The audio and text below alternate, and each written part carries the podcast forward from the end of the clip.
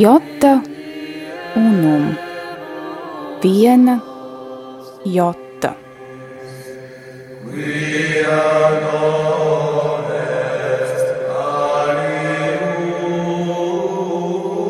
Tradīcija Skaistums, kas paceļas pāri laikam. Skaistais ir paties, skaistais ir labs.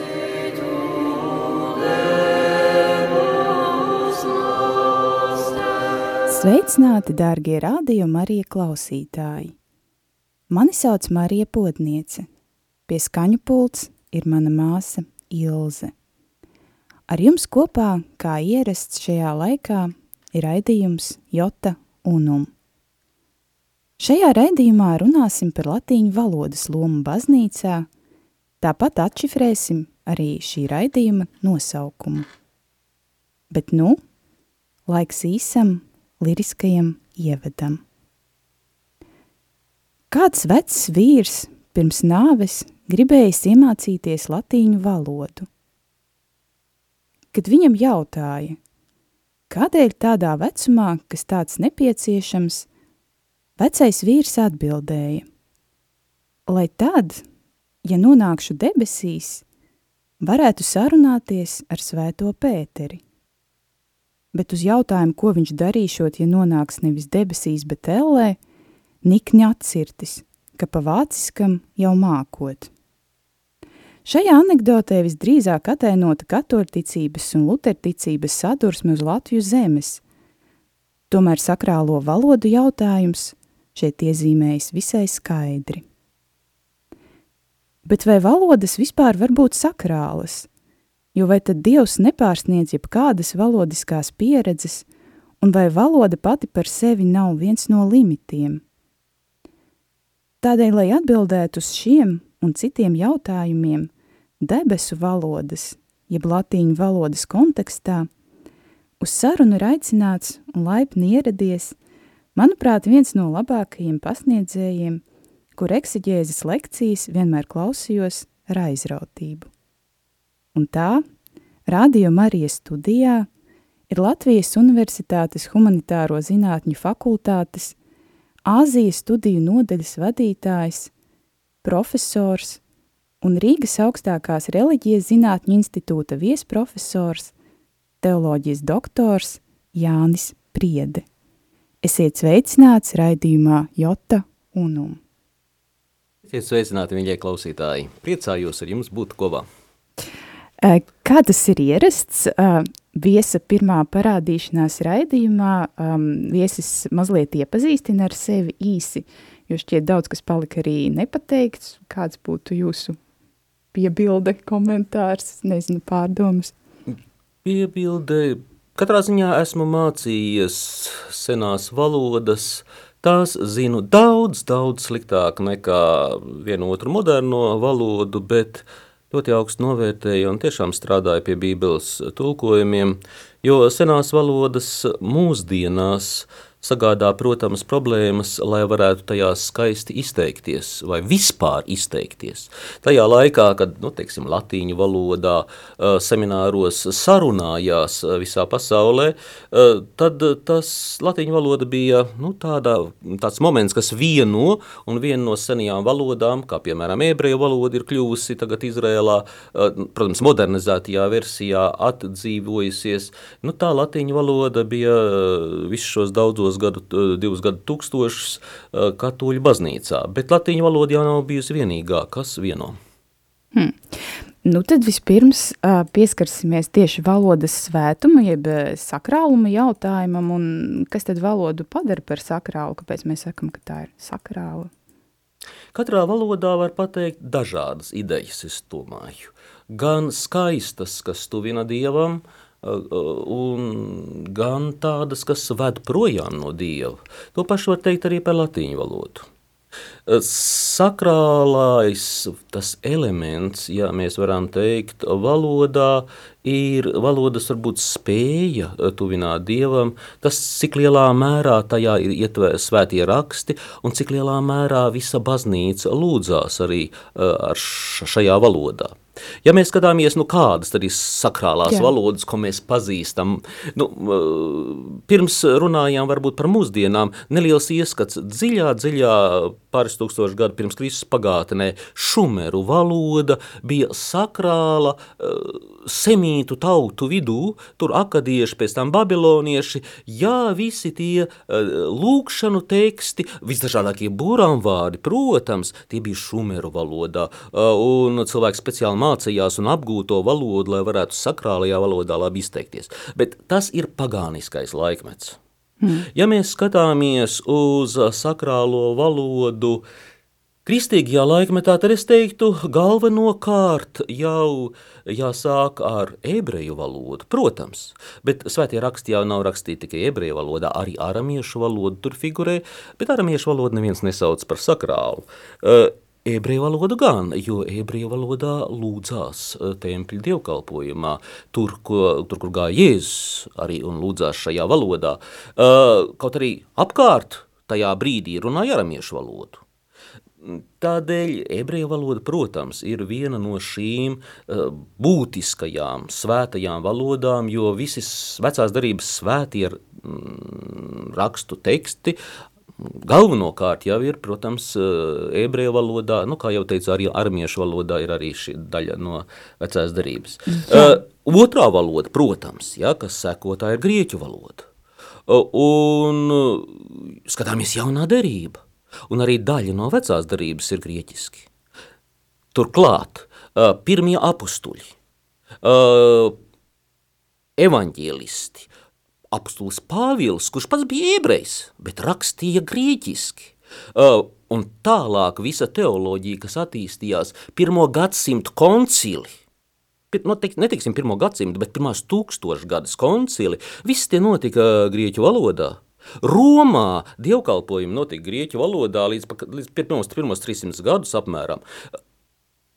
Pēc tam Protams, latīņu valoda kļuva par katoliskās Romas baznīcas galveno liturģisko valodu. Tur liela nopelna, liels nopelns, protams, arī svēto rakstulkojumiem latīņu valodā, bet Es teiktu tā, viegli atcerēties tās valodas, kuras ir sakrālas, nu, tādā lielā mērogā kristietībā, jo Nu, arī baznīcas slāvu valoda, senā koptu valoda, sīriešu valoda un tā tālāk ir iegūst zināmā mērā, mērā tādas sakrālas valodas vietu. Jo Sīrijā, Sīrijā baznīca lūdzās, nu, dažas baznīcas lūdzās sīriešu valodā, ko neviens nerunā, runā arabiski bet baznīcās runā, lūdzās sīriešu valodā.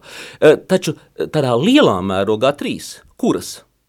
Nu, tās, uz kuras tika lietotas, lai, kuras lietoja Pilāts.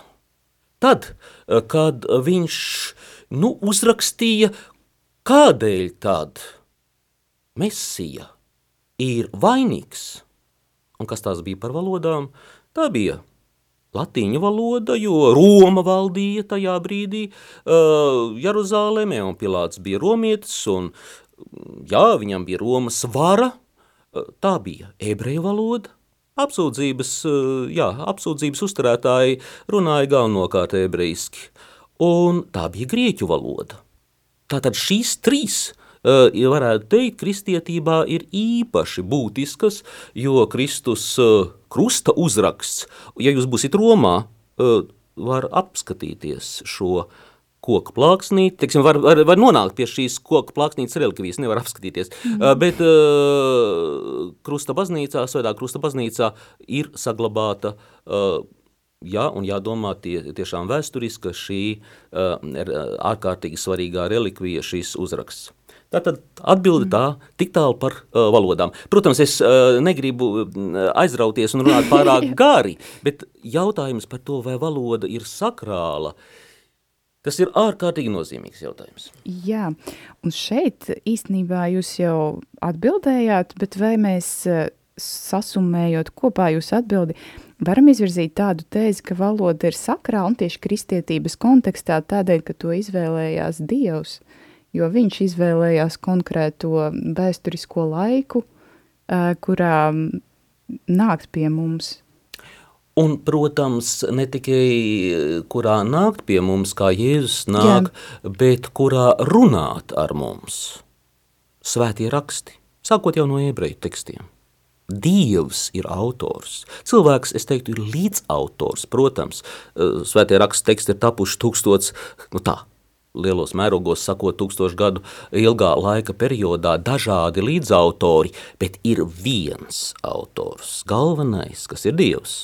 Nu, un Dievs ir izmantojis tā laika dažādās valodas, eh, tās tautas valodu, kurā viņš, kuru viņš gatavoja tai uh, būtiskajam, var teikt, pilnīgi kosmiskajam momentam, ka piedzims pestītājs. Dieva dēls, Dieva ideja, logos, iemiesosies, kļūs par cilvēku.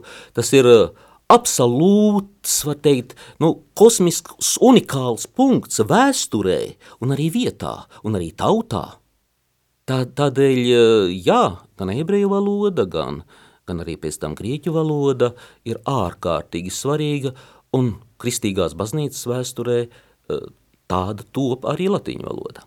Jā, bet tas uh, liek varbūt kritiķiem uzdot jautājumu, ja reiz iemiesotais Dievs, um, Kristus, ar svēto Pēteri viņi jau savā starpā nerunāja latīniski, kāpēc tad mēs lauzam mēli tieši šajā valodā? Nu jā, es jau tā pie, pie, pieminēju, ka tas var būt zināmā mērā, protams, sākās ar to uh, Romas okupāciju, no kuras uh, ebreji ļoti gribēja tikt vaļā, uh, tik ļoti tikt vaļā, ka bija gatavi, nu jā, lai Kristus mirst viens visas tautas vietā, kā teica augstais priesteris, labāk viens, eh, ka mirst par visu tautu, nekā visa tauta cieš, eh, bet š šeit, es teiktu, latīņu valoda bija ārkārtīgi piemērota tam laikmetam, lai viņa pamazām kļūtu par baznīcas valodu. Kādēļ? Ja pirms tam tāda lingva, nu kā saka, franka, vai tajā laikā, tā laika angļu valoda, ko visi zina, bija kopš Maķedonijas Aleksandra grieķu valoda, tad līdz ar Romas impērijas izplešanos par tādu pasaules valodu, milzīgā impērijā, kurajā valdīja zināmā mērā miers. Tas bija laiks, Kristus, kad piedzimst, kad valda nu, gandrīz vai miers visas impērijas robežās. Tad tāda valoda bija latīņu valoda. Un šī valoda bija ļoti piemērota, lai formulētu uh, ārkārtīgi precīzi dažādas uh, definīcijas, gan gramatiskajā ziņā, gan uh, tieši, varētu teikt, jā, mm, terminu ziņā, un tā attīstījās, sākotnēji uz grieķu valodas bāzes teoloģiskie termini veidojās, bet pēc tam jau arī latīņu valoda kļuva par uh, ļoti precīzu teoloģisku valodu. Nu, teiksim tā, kā matemātikā mēs lietojām nu, plus mīnus zīmu un citas ļoti precīzas uh, zīmes, lai apzīmētu matemātiskās operācijas, tāda kļuva latīņu, teolo, latīņu valoda visā katoliskās baznīcas teoloģijā. Bet, kā jau es teicu, grieķu valoda nezaudēja savu, savu ārkārtīgi svarīgo nozīmi ne tajā laikā, ne mūsdienās. Paskatīsimies uz baznīcas tēviem. Nu, tie ir pamatā jau latīņu un grieķu valodā. Nu, protams, arī sīriešu un, un, un armēņu un citās, bet pamatā jau latīņu un grieķu. Mm. Un, um, kā es saprotu, arī, protams, katrai no šīm sakrālajām valodām ir bijusi tāda kā īpašā misija, jo šķiet grieķu valoda ir, um, nu, šī visi filozofiskie termini, kas uh, ir palīdzējuši arī formulēt kristīgās dogmas, uh, no ebreju valodas, tā kā ebreji mums nāk, nu kā šie mūsu vecākie brāļi, ticībā ir šī teoloģija, jo vecā derība, protams, mums nav atcelt, un mēs, nu tā kā, tā ir spēkā, un tad savukārt latīņu valoda, vai varētu būt, ka tā dod šo universālo dimensiju, ka... Tā, teiksim, grieķu valoda, grieķu valodas un ebreju mentalitātes saskarsme bija uh, brīnišķīga bāze jaunajai derībai un jaunās derības teoloģijai.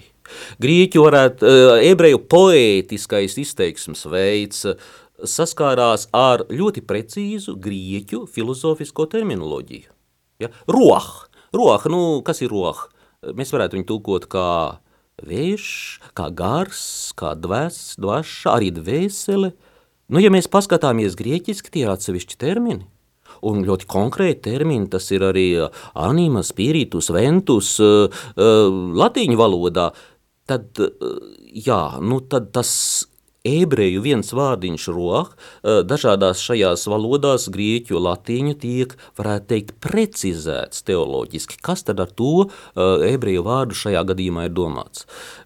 Ja teoloģijas attīstībā grieķu valodai un pēc tam ārkārtīgi latīņu valodai, nu jā, ir, ir milzīga nozīme. Visu mūsdienu teoloģija ir veidojusies uz šo valodu bāzes, šajās valodās. Mm. Tad varbūt mēs varētu klausītājiem mazliet uh, atklāt uh, mm, par svēto hieronīmu un šo uh, bībeles tulkojumu uz latīņu valodu, jo, kā jūs minējāt, nu, tā bija lieliski tā, mm, kā šī, šī saskaņa starp uh, ebreju un uh, grieķu valodām, bet kāpēc tad svētais hieronīms tomēr tulkoja un kāds bija šis process? Grieķu valodu Romā, nu, un, teiksim, tajā mūsdienu Itālijas teritorijā, zināja galvenokārt jau izglītotāki puslīdz cilvēki. Kristieši dziedāja, dziedāja uh, psalmus, bet ar laiku tos tulkoja. Tos tulkoja arī latīniski. Tas tulkojums bija tāds diezgan burtisks, nepilnīgs, tā sauktais vecais latīņu tulkojums, bet dievkalpojumi bija pamatā jau grieķiski. Un tajā brīdī, kad aizvien vairāk latīņu valoda, uh, 3. 4. gadsimts, it īpaši jau kļūst par uh, Romas nu, liturģisko valodu, tad pāvests uzticēja savam sekretāram, un sekretārs tajā brīdī gadījās Hieronims, nu tā pieslīpēt to tulkojumu, kas neizcēlās ar daļskanību un varbūt arī ar precizitāti. Un tā Hieronīms jāsāka precizēt gan psalmus, gan pārējās grāmatas, un tad pamanījis, ka viņa ebreju valodas zināšanas nu, nav ne, izcilas vai gan arī sakot ir sliktas, toties viņš lieliski zināja grieķu un latiņu valodu, nu, viņš pārcēlās pat uz Palestīnu, apguvā jau ļoti labā līmenī ebreju valodu un, var teikt, vēlreiz tulkoja uh, svēto rakstu tekstus, tagad jau no ebreju valodas tieši, jo iepriekšējais tulkojums bija no grieķu valodas uz, uz latiņu valodu, uh, tagad tulkoja tieši no, no, no ebreju valodas uz uh, latiņu valodu. Bet tas attiecās Ne uz visām Bībeles grāmatām. Runa tā tad ir par tām, kas bija rakstītas uh, ebrejiski un aramiski. Tās grāmatas, kas bija vecās darības, arī grāmatas un jaunās darības grāmatas, kas bija rakstītas grieķiski, nu tās hieronīms pieslīpēja to valodu, pārbaudīja, vai ir precīzi, un tad deva šo šādu, var teikt, versiju, kas nāk no grieķu valodas. Savukārt psalmus – Hieronīms izveidoja divās versijās. Tauta turpināja teiksim, dziedāt hieronīmu uzlaboto tulkojumu no grieķu valodas, Un tāds tas saglabājās līdz pat pagājušajam mūsu, mūsu, mūsu teikt, iepriekšējās gadu tūkstošgadas ja, beigām. Šis tulkojums no grieķu valodas, bet Hieronīms sagatavoja inteliģentiem, tādiem nu, eksaģētiem arī tulkojumu no ebreju valodas. Kādēļ? Lai būtu līdzeklis, ar ko diskutēt ar judaistiem. Mm. Ja? Tādēļ ir, ja bija jāzina arī labi tas ebreju psalmu teksts, un Hieronymus bija sagatavojis abus variantus. Bībelē iekļauja to, kas tulkots no grieķu valodas. Mm. Un uh, tad sanāk, ka šī pāreja liturģijas uz uh, latīņu valodu notiek ap 3. un 4. gadsimtu. Jā. Hieronims jau iepriekš jau bija drusku šie tulkojumi, un jau iepriekš, protams, arī dziedāja šos psalmus, bet tāda liturģija pilnā mērā ap to laiku pāriet uz latīņu valodu. Mm -hmm. Un um, kāpēc, vajadz, nu, kāpēc šī liturģija ir nepieciešama latīniski, jo es saprotu, ir uh, ļoti daudz gadsimti jau mums eh, pagājuši ar liturģiju latīniski, un kādēļ būtu svarīgi to saglabāt arī mums?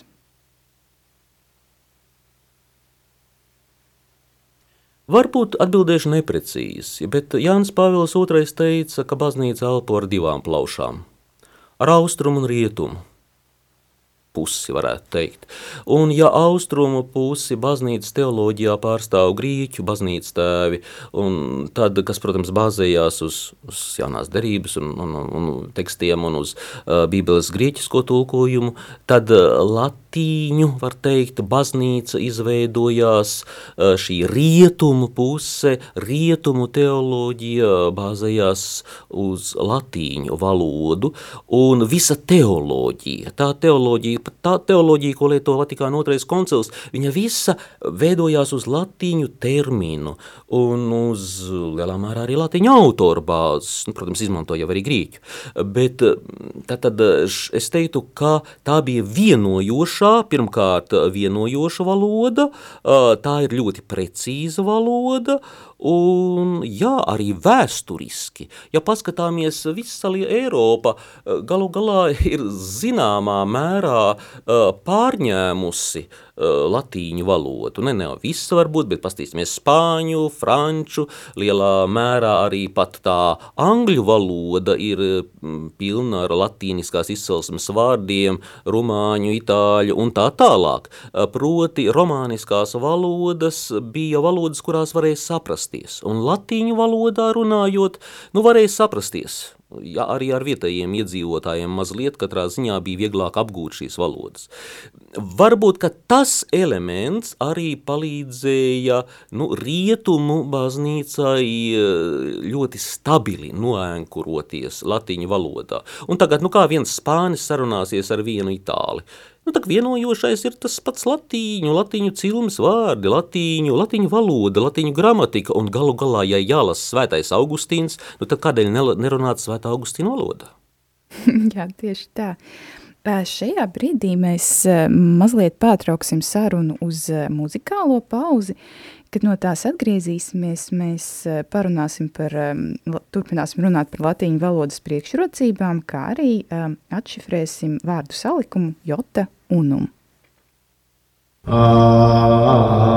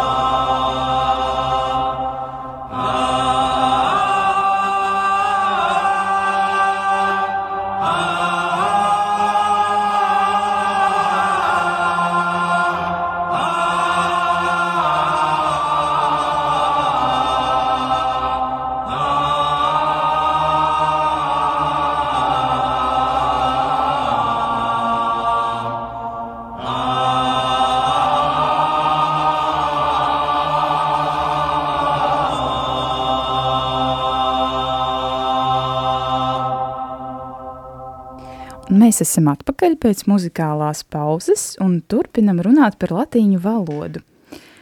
Tagad pievērsīsimies uh, latīņu valodas priekšrocībām. Um, kā jau mēs runājam, tad varbūt varētu vairāk attīstīt šajā sarunā mm, šo universalitātes principu. Kāpēc latīņu valoda ir universāla arī tagad? Nu, ja paskatīsimies uz Eiropu, Eiropa, protams, negrib zināt, kas viņi tādi ir. Uh, un, un domā, ka viņi ir šausmīgi multikulturāli. Bet Eiropa ir izveidota uz grieķu filozofijas bāzes. Tā mēs paskatīsimies uz lielie grieķu filozofi un domātāji. Viņa ir izveidota uz ebreju, var teikt, reliģijas, vecās derības reliģijas, nu, bāzes, vecās darības poetiskie teksti, psalmi, ebreju izcelsmes, mesija, Jēzus Kristus, ebreju izcelsmes apustuļi, Pāvils, ebreju izcelsmes dievmāte, Marija. Tātad arī uz ebrejiskās mentalitātes, uz ebreju valodas, svēto rakstu, tekstu bāzes, uh, Tie veido arī e, Eiropas pamatu. Skatāmies vēlreiz, tātad grieķu filozofija, uh, ebreju vai judeokristīgā, teiksim, judeokristīgā kultūra un romiešu tiesības. Te būtu hauss, ja, ja nepastāvētu romiešu Nu, tas nāk no, no pirmskristīgiem laikiem, kad sāka veidoties romiešu ties, tiesības, un uz tām pēc tam izveidojās baznīcas, kanoniskās tiesības un īstenībā visas Eiropas tiesības. Nu, labi, Napoleons tur kaut ko sāka mainīt un tam līdzīgi, bet tās, tā latīņu valoda un Latviju, latīņu tiesības, latīņu, var teikt, precizitāte, līdz ar grieķu filozofisko domāšanu un judeokristīgo saturu veido Eiropu. Uh, nu, mēs ne, būtu neiedzīgi mēģināt atteikties no savu mantojumu, kas ir šis, šie trīs uh, būtiskie um, Eiropas, mantojumi, Eiropas mantojums, tas ir universāls. Un š, no Eiropas šis mantojums ir pārgājis uz visu to, ko varētu saukt par rietumu pasauli, un uz to, ko sauc par kristīgo pasauli, kurā ir kristīgā teoloģija. Nu jā, tieši tā, jo īstenībā taču um, misionāri, kad viņi devās uz citiem kontinentiem un pie citām tautām. Mācījās vietējās valodas. Jā, jā, bet, bet es domāju, liturģija taču bija latīniski. Liturģija, protams, un tauta jau sekoja tai liturģijai atkarībā, protams, no izglītības līmeņa un, un atkarībā no tā, kā baznīca rūpējās par to tautu.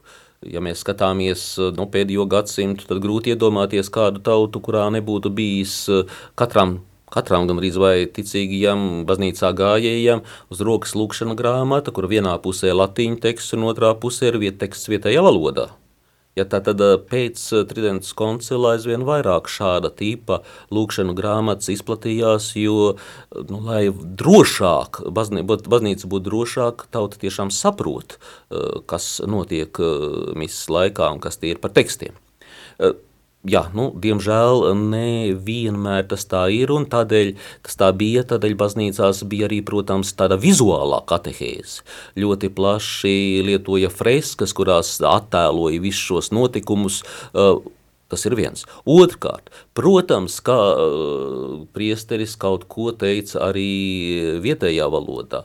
Ja skatāmies uz 13. un 14. gadsimta uh, Rīgas uh, katoļu baznīcas sinodu tekstiem, tur ir skaidri izteikta prasība, ka priesteriem, ja nu viņš gadījumā nezina vietējo valodu, nu vietējās te bija latviešu un lībiešu, ja nu viņš gadījumā nezina vietējo valodu, viņam ir jāpieņem kāds vikārs darbā, kurš zina vietējo valodu un prot kaut ko iedzīgi pateikt tajā valodā. Proti, piemēram, nu, pēc kādu īsu sprediķi vai pēc, pēc liturģijas, teiks, tādu uzrunu. Ja mēs skatāmies uz nu, jezuītiem, piemēram, tad mēs varam, viens no senākajām grāmatām ir, ir, ir latviešu valodā tulkotie, kā, tulkotais katehisms, ir liturģiskie lasījumi svētdienām un svētku dienām iztulkoti latviski jau toreiz. Uh, Tad, tad tas, ka baznīca būtu centusies tikai un vienīgi tautai piedāvāt šo liturģisko latīņu valodu, tas nav īsti precīzi. Baznīca vienmēr ir bijusi interesēta, lai tauta var sekot tam, kas notiek dievkalpojuma laikā. Ja jā, neapšaubām, bet es domāju, ka pats dievkalpojums tomēr ir šī sakrālā telpa, jā. tāda mentālā sakrālā telpa, un ka valoda ir tā, kas palīdz cil, nu, kā tāds identifikators, ka cilvēks saprot, es atrodos šajā sakrālajā telpā, ka tā nav mana, varbūt, ikdienas valoda, eh, ar kuru es nezinu, es spriežu par, eh, nezinu, pusdienu gatavošanu kaut kādiem ikdienišķiem darbiem, bet tagad es esmu tajā citā telpā.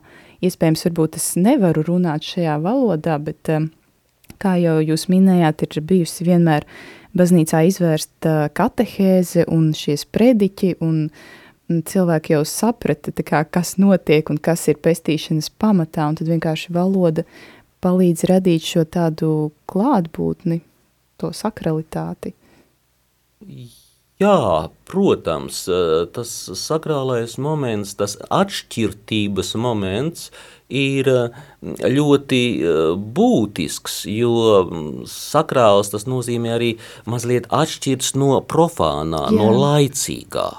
Un tajā ziņā nu, šīm sakrālajām valodām ir tādā, viņš ļoti palīdzīgs, varētu teikt, cilvēkam būtu kontaktā ar Dievu, atrauties mazliet no profānās pasaules, ja viņš, protams, to latīņu valodu vismaz drusku zina. Taču Ja skatāmies, latviešu valodā ir arī tīri praktiskā nozīme, bijusi visos šajos gadsimtos un gadu tūkstošos. Iedomājies, cik daudz dialektu un cik daudz valodu ir Eiropā. Un pat te Latvijā kādreiz, ja nu, uh, it īpaši es atceros arī jaunības dienas un aglonu, un, un tam līdzīgi sanāk tik daudz dažādu uh, tautu un lūdzas reizē, nu tad kādā valodā lūgties? Arī mūsdienās eh, dažkārt eh, senas sabrauc biskupi no dažādām valodām, nu, Rīgā arī, un, un, un latīņu valoda tad ir tā, kas tiešām vienotos, ja viens gadījumā, eh, nezin, latviešu, otrs, nezin, varbūt angļu, un trešais, četršām franču valoda arī diez kā nav, tad, tad latīņu valoda, protams, visi kaut cik zina, un tā vienmēr ir bijusi un paliek tā vienojošā valoda, un tas ir ļoti pozitīvi. Turklāt pozitīvi arī tas, ka latīņu valodai nenāk līdzi eh, tādas nacionālas ies, ieskaņas, ā, nu, mūsu valoda, jā, tā tāda ir jālūdzās jā. mūsu valodā, un pulkstens desmitos ir jālūdzās noteikti mūsu valodā. Jā, tie, tie, tie citi var lūgties kaut kad eh, tur citos laikos. Proti, tad atkrīt, nu, zināmā mērā tāda rīvēšanās, kura valoda ir nozīmīgāka, vai arī kaut kāda citur dažkārt pasaulē nu, nelūdzās kolonizatoru valodā, bet runas, runa lūdzas latīņu valodā. Uh, arī, arī, arī tas ir tāds uh, zināms pozitīvs moments, bet, protams, ja, protams, galvenais ir, lai valoda būtu saprotama. Un tādēļ, ja mēs paskatāmies Itālijā, nu Itālijā visā, visur, kur nu, nav tehniskā, jā, bet ja ir klasiska kaut kāda izglītība vidusskolās, tad latīņu valoda ir obligāts izlaiduma eksāmena priekšmets, un ir jā, teksti jālasa un jāprot lasīt piemēram. Uh, bet, tā tas bija arī Latvijā. Jā, tā tas bija. Diemžēl Eiropa kļūsi aizvien tehniskāka, um, vairāk ir prasītas tādas tīri pielietojamas zināšanas, nu, un tāda kultūras valoda, kā latīņu valoda. Jo latīņu valoda jau nav svarīga tikai varbūt šo teoloģisko tekstu dēļ. Latīņu valoda ir labi zināt arī milzīgās latīņu klasiskā mantojuma dēļ, tāpat kā grieķu valoda. Nu, tas mūsdienu Eiropā vairāk nav tik būtisks. Galu galā izteikts pārmetums, ka nu, tāda patriarchālā literatūra vien ir un to vajag aizmirst. nu, jā, tās diemžēl ir mūsdienu tendences. Bet tad, respektīvi, vai mēs to latīņu valodu liekam tai zārkā kā mirušo valodu, vai tomēr viņa tāda diezgan dzīva. Nu, Vatikānā katrā ziņā, manuprāt, joprojām vēl pirms pāris gadiem bija, uh, ir Latīņu akadēmija, kuras uzdevums ir rūpēties par to, lai mūsdienās lietotie termini, nu, nu, kaut vai lidmašīnas, jā, vai kaut kas tam līdzīgs, būtu viegli un ērti izsakāms arī latīņu valodā. Jo nu, tekstiem būtu jābūt arī latīņu valodā. Tādēļ, tādēļ dažādi moderni šie, teikt, termini vai ikdienā lietojamie vārdi tiek valodnieku komisijās Vatikānā, un latīņu valoda ir Vatikāna oficiālā valoda, mm. tad tiek zināmā mērā aprobēti un izdoti, izdoti šīs terminu un vārnīcas, Līdz ar to nevar teikt, ka būtu mirusi valoda. Problēma ir, ka tajā runā aizvien mazāk cilvēku. Kā jau es teicu, agrāk nu, semināros Jā. runāja latīņu valodā. Nu, atbrauc viens no Latvijas, otrs varbūt no mm. Baltkrievijas, trešais no Kurzemes. Nu, tad, nu, tad spiest iemācīties latīņu valodu, jo labāk taču tomēr latīņu valodā runāt nekā varbūt krievu valodā. Jā, nu, protams, tas, tas Baltkrievis varētu iemācīties arī latviešu valodu, bet, bet Jā, nu, bet kāpēc nerunāt latviešu valodā? Tad, tad, respektīvi, diemžēl šīs, šī latīniskā teoloģiskā izglītība ir gājusi mazumā. Ieguvēji varbūt, ieguvēji varbūt ir lielās tautas, nu, piemēram, angļi, varbūt franči, varbūt vācieši, jo viņi ir pēdējos nu, 50, 60, 70 gadus neko citu var teikt, nav darījuši, kā mēģinājuši tulkot un teoloģisko literatūru, baznīcas tēvus sniegt mm, angļu, angļu, vācu, franču valodā un tam līdzīgi. Problēma ir mazajām tautām kurām nav šīs bagātais arī kristīgais mantojums uh, dzimtajās valodās. Ja mēs pastāmies latviski, nu tad kas tad mums te ir daudz no baznīcas tēviem, kas ir tulkoti no latīņu valodas latviski, nu lielisks ir Augustīns, vai ne, mm, Augustīna atzīšanās, bet kas tad vēl ir tā labi iztulkots no latīņu valodas? Nu tad ir jāmeklē kā ruguni, bet, bet, bet tie ir sējumi, tie ir plaukti, tie ir, tā ir brīnišķīga, ārkārtīgi svarīga garīgā literatūra. Ne tikai, nu, varētu teikt, no baznīcas tēva laikiem, bet arī tā, kas ir tapusi visus šos gadu tūkstošus, garīgā literatūra, gan par morāli, gan par garīgo dzīvi, gan par askētiku. Brīnišķīgi darbi, kurus neviens nemāk vairāk lasīt latīņu valodā, grib par grieķu valodu vispār nerunāsim, un un galu galā neprot jau lasīt arī tajā pašā angļu valodā vai, vai, vai, vai vācu valodā, jo tur viņi arī lieto tik sarežģītus, varētu teikt, terminus, teoloģiskus terminus tajās valodās, un tagad man latvietim ir jāiemācās vispirms tie teoloģiskie termini vācu valodā kārtīgi, un tad es varu tikai lasīt mm. Augustīnu. Jā. Nu, bet varbūt tās es iemācīšos latīņu valodu un lasīšu Augustīnu patiešo. Jā, jo vai nav tā, ka arī latīņu valoda ir, kā zināms, garants terminu iekonservēšanai, ka mēs varam Jā. saņemt viņus tieši tādus, kādus to mums nodeva baznīcas tēvi. Nu, tie, kas rakstīja latīniski pirmkārt jau. Nu, ka... Jā, lielā mērā tas tā tiešām ir. Lielā mērā, ka tie termini ir ļoti skaidri definēti un, un tā nozīme nemainās. Tā teoloģiski, vai teikt, izpratne par to, protams, attīstās. Teoloģija attīstās, bet termins ir ļoti skaidrs un viennozīmīgs. Un tā kā, nu tā var teikt, tā ir tāda valoda, kurā ir ļoti stabila un nemainīga tieši tādēļ, ka eh, Tieši tādēļ, ka tu vari teikt, mirusi valoda, jā, lai gan nav viņa tik ļoti mirusi, uh, nu, tad tas, protams, ir zināmā mērā pozitīvi. Tas nenozīmē, ka es saku, ka jums visiem būtu jāmācās latīņu valoda. Nu, lai mācās tie, kas ir inteliģenti.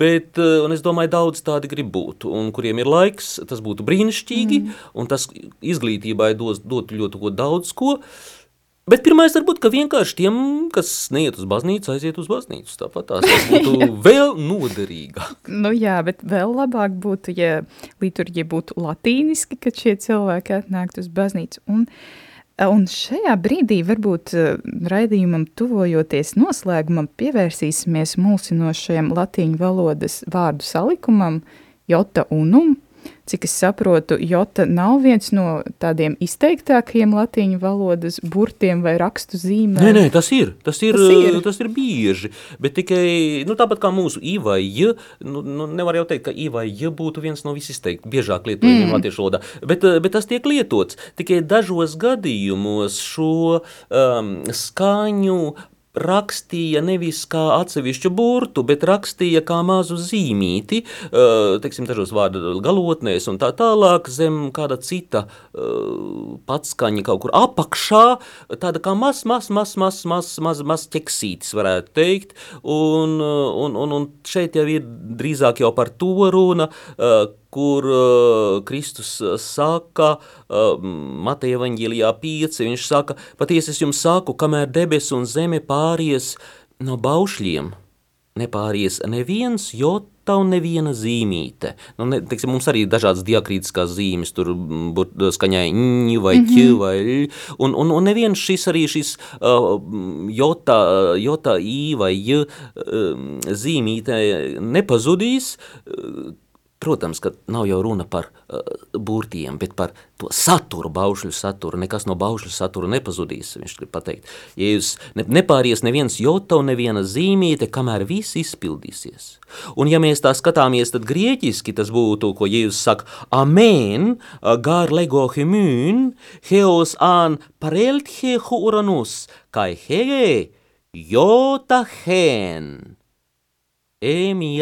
Emia kerea un me parelthe apotonomos, ja he, heos panta genetkai. Protā, jota hen. Jota, nu, viens vai, nu, jota neviens. Jā, neviens, mm. mēs latviski teikt neviens. Būtiski jota viens. Uh, un uh, arī latīniski tieši tāpat tajā tulkojumā būs amen quipedico vobis donec transiat celum et terra jota unum autunus apex non preteribita lege. Neviens jota, neviena zīmīte nepazudīs no, no uh, likuma, kamēr, kamēr, jā, kamēr viss piepildīsies. Tad, tad šeit īstenībā, protams, ir runa par to, ka tas paušļu dziļākais saturs nezudīs, likumi ir jāizpilda, jā, uz baznīcu ir jāiet svētdienās, piemēram. Jā, jā nevajag, ne, nevajag jā. gadījumā tur nevienam neko zakt un, un, un, un tam līdzīgi, ka baušļi viss ir jāpilda līdz, līdz, no, līdz pasaules galam. To saka Jēzus. Ja? Un tas jota unum ir uzsvērts, ka pilnīgi viss tik tiešām ir jāpilda, nu vismazākais, jo Dievs mums dod tik daudz, un no mums tik maz prasa. Nu vai tad to mazumiņu, to jota unumu, nu mēs nevaram paveikt? Nu jā, tādēļ mēs cenšamies, tādēļ ir šis uh, nosaukums, jo jā, tas bija skaists teoloģiskais uh, jā, skaidrojums. Bet, bet Jēzus turpina, starp citu, viņš saka, kas vienu no šiem vismazākajiem baušļiem atmet un tā mācīs cilvēkus, tas debes valstībā sauksies par mazāko. Bet kas pildīs un mācīs, tas tiks saukts liels debesu valstībā. Mm, jā, Tad, tad uh, var gadīties arī teoloģijā, ka kaut ko reizēm jau atmet, un tad jau mēs redzam tik dažādas konfesijas, uh, kas mm. ko ir paguvis atmest, uh, cik kurām tur nu ir sakramenti, un kurām to sakramentu, piemēram, mazāk, proti, bet tas jau, Jēzus saka, tas sauksies par mazāko debesu valstībā. Viņš neaizsūta viņus uz elli. Bet viņš saka, tie, kas to ievēros, kas tik tiešām ievēros to, ko viņš ir prasījis, un ko viņš ir mācījis, un ko viņš mums ir devis, ir īpaši saviem sakramentiem, ar grēksūdzes sakramentu, visiem citiem sakramentiem, nu, jā, kas to mācīs un pildīs pats, Jēzus saka, jā, tas būs liels debes valstībā. Un tas tiešām tā ir, kā ir zvaigznes dažādas spožuma debesīs, tā arī, nu jā, tā arī cilvēks uh, savā iekšienē var būt uh, pilnāks ar Dieva žēlastību, vai ja viņš savā dzīvē nu, ir tā žņaudzies, nu, tad viņš būs pilns, tāds mazs maz trauciņš, bet pilns, jā, nu būs. Maziņš debesu valstībā. Nu, jā, bet, nu, bet cerams, esam, ka būs debesu valstībā. Jā, nu, bet esam aicināti tikai uz pilnību. Aicināti uz pilnību, jā. tāpēc, ja jūs saka, nu tad mm. nevienu jotu nevienu zīmīti nevajadzētu mest laukā. Arī nevienu sakramentu nevajadzētu. Nu tā, kā latvieši mēdz teikt, man jau grēku nav, nu ko tas tur sūdzēšu tam cilvēkam tur paznīcā? Nē, nē. Nu, un tad man šeit ir viens lielisks citāts no pāvesta Jāņa 23. rakstītā, uh, kur viņš saka, ka latīņu valoda pēc savas iedabas ir visnotaļ piemērota, lai darītu jebkurai tautai pieejamu visas cilvēces kultūru, jo tā nesanaido, izturas vienlīdzīgi pret visām tautām, nevienai nedod priekšroku un galu galā ar tām visām tīkama un draudzīga. Un īpaši Eiropas kristīgās tautas tā ir saistījusi vienības saitēm. Jā, protams, absolūti tā tas ir. Jo, ja mēs paskatāmies no angļu valoda, mēs redzam, kā viņi mainās. Pa 10, 20 gadiem vārdu nozīmes mainās diezgan radikāli. Kas agrāk bija priecīgs, ja geji, tas tagad ir gejs kļuvis. jā, un tam līdzīgi, jā. tad angļu valoda mainās, latīņu valoda nemainās. Eh, tas ir viens, otrkārt, nu jau viens otrs skatās uz angļu valodu, piemēram, kā īri uz tiem angļiem, kas ir nu, izraisījuši badu un apspiešanu. Ja īrijā, nu labi, tagad viņi runā īru valodā, bet nu, tomēr tā ir zināmā mērā kolonizatoru valoda. Tā arī citas tautas dažkārt nu, var skatīties uz to angļu valodu, vai cita var skatīties uz vācu valodu un tam līdzīgi. Nu, tad uz latīņu valodu tā neviens īsti neskatās. Jā, tad uz latīņu valodu skatās kā uz kultūras valodu. Nu, jā, kā uz kultūras valodu, kā uz reliģiskā, teiksim, ziņā plaši lietotu valodu, bet galvenokārt, jā, nu tiešām kā uz Eiropas vēstures bāzi ar, jā, kā es teicu, Romas likumdošana, grieķu filozofija un judeokristīgā svētie raksti. Jā, bet uh, esmu novērojis tādu interesantu fenomenu. Uh, iepriekšējā raidījumā runāju ar internacionālu ģimeni, kas lūdzas latīņu valodā. Un tie ir vienkārši lai, kuri ir atraduši to kā veidu, kā viņi var komunicēt starp dažādām kultūrām un būt kopā. Un tas ir tāds skaists, praktisks piemērs. Un... Nu, es domāju, ka jebkuram kristietim būtu vismaz tēvs mūsu Tad mums ir jāzina latīņu valodā, un tāpat Ave Marija. Nu, galu galā visur dzied Ave Marija, vai tiešām nevaram izsekot tiem vārdiem, ko tur dzied, un varbūt paši arī lūgties. Jā, un tad, tad tās domāju, ka tās dažas pamatlūkšanas ir ļoti skaisti, ja tās uh, zina latīņu valodā. Nu jā, jebkurā gadījumā tas ir baznīcas tēvu valoda, tas ir mūsu mantojums, un tādēļ, jā, Anima Kristi, jā, Kristus dvēseli dari mani svētu. Jā, lūgties latīņu valodā ir skaisti. Es zinu ģimenes, kuras arī pie pusdienu galda runā latīņu valodā, bet, bet nu, tās, protams, ir jā, cilvēki, kas ir mācījušies latīņu valodu un māca to saviem bērniem, apzinoties, cik tā ir skaista. Es nedomāju, ka tādu būs daudz, nekad tādu nebūs daudz, bet lūgties latīņu valodā kādēļ ne, ja viens saprotam, ko mm. lūdzamies. Jā, un arī īstenībā tas ir tāds, man liekas, arī pat mūsu vēstures daļa, jo šīs vecās eh, sievietes, kas ļoti skaisti un, manuprāt, diezgan precīzi dzied atsevišķus dziedājumus latīniski un uh, diez vai viņas ir mācījušās augstās skolās, bet uh, tomēr, jā, tas ir dzīves viņu Protams, un, un pat mazi bērni galu galā, kuri piekalpoja misē, nu, viņiem bija jāatbild latīņu valodā. Tieši tā.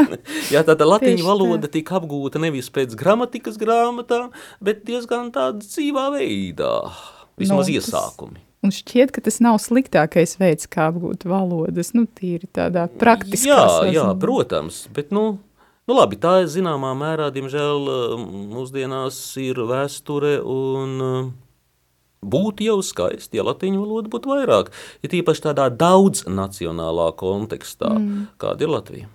Jā, cerēsim uz to, jo tā ir baznīcas valoda, baznīca ir Kristus mistiskā miesa, un tādēļ mēs arī varam kaut ko mainīt, atgriežoties pie savām saknēm, un diez vai šīs uh, izmaiņas mm, būs sliktas, drīzāk jau labas. Liels paldies jums par šo sarunu, mēs daudz uzzinājām, uh, aicināsim jūs arī vēl noteikti. Paldies jums! Paldies, ka klausījāties, un ceru, ka nebija šausmīgi garlaicīgi. nē, nē, noteikti, man vismaz nebija. Slavēts Jēzus Kristus! Um, un tad um, nākamajos raidījumos mēs uh, runāsim par to, uh, kāda ir un kādai būtu jābūt visuma pārvaldes formai uh, un ko īsti visuma. nozīmē visuma. Jā. un ko īsti nozīmē vārdu salikums Kristus karalis. Tādēļ noteikti palieciet kopā ar mums. Un tāpat kā ierasts, aicinām uz tradicionālo latīņu misiju ogrē – ko iespējams piedzīvot katra mēneša 4. sestdienā, tas ir jau rītdien, pulkstens 12. un iespēja ņemt tajā dalību. Un visbeidzot, paldies visiem tiem, kas atbalstīja un atbalsta savās lūkšanās un nodomos. Paldies jums un uz drīzu tikšanos! Uz tikšanos.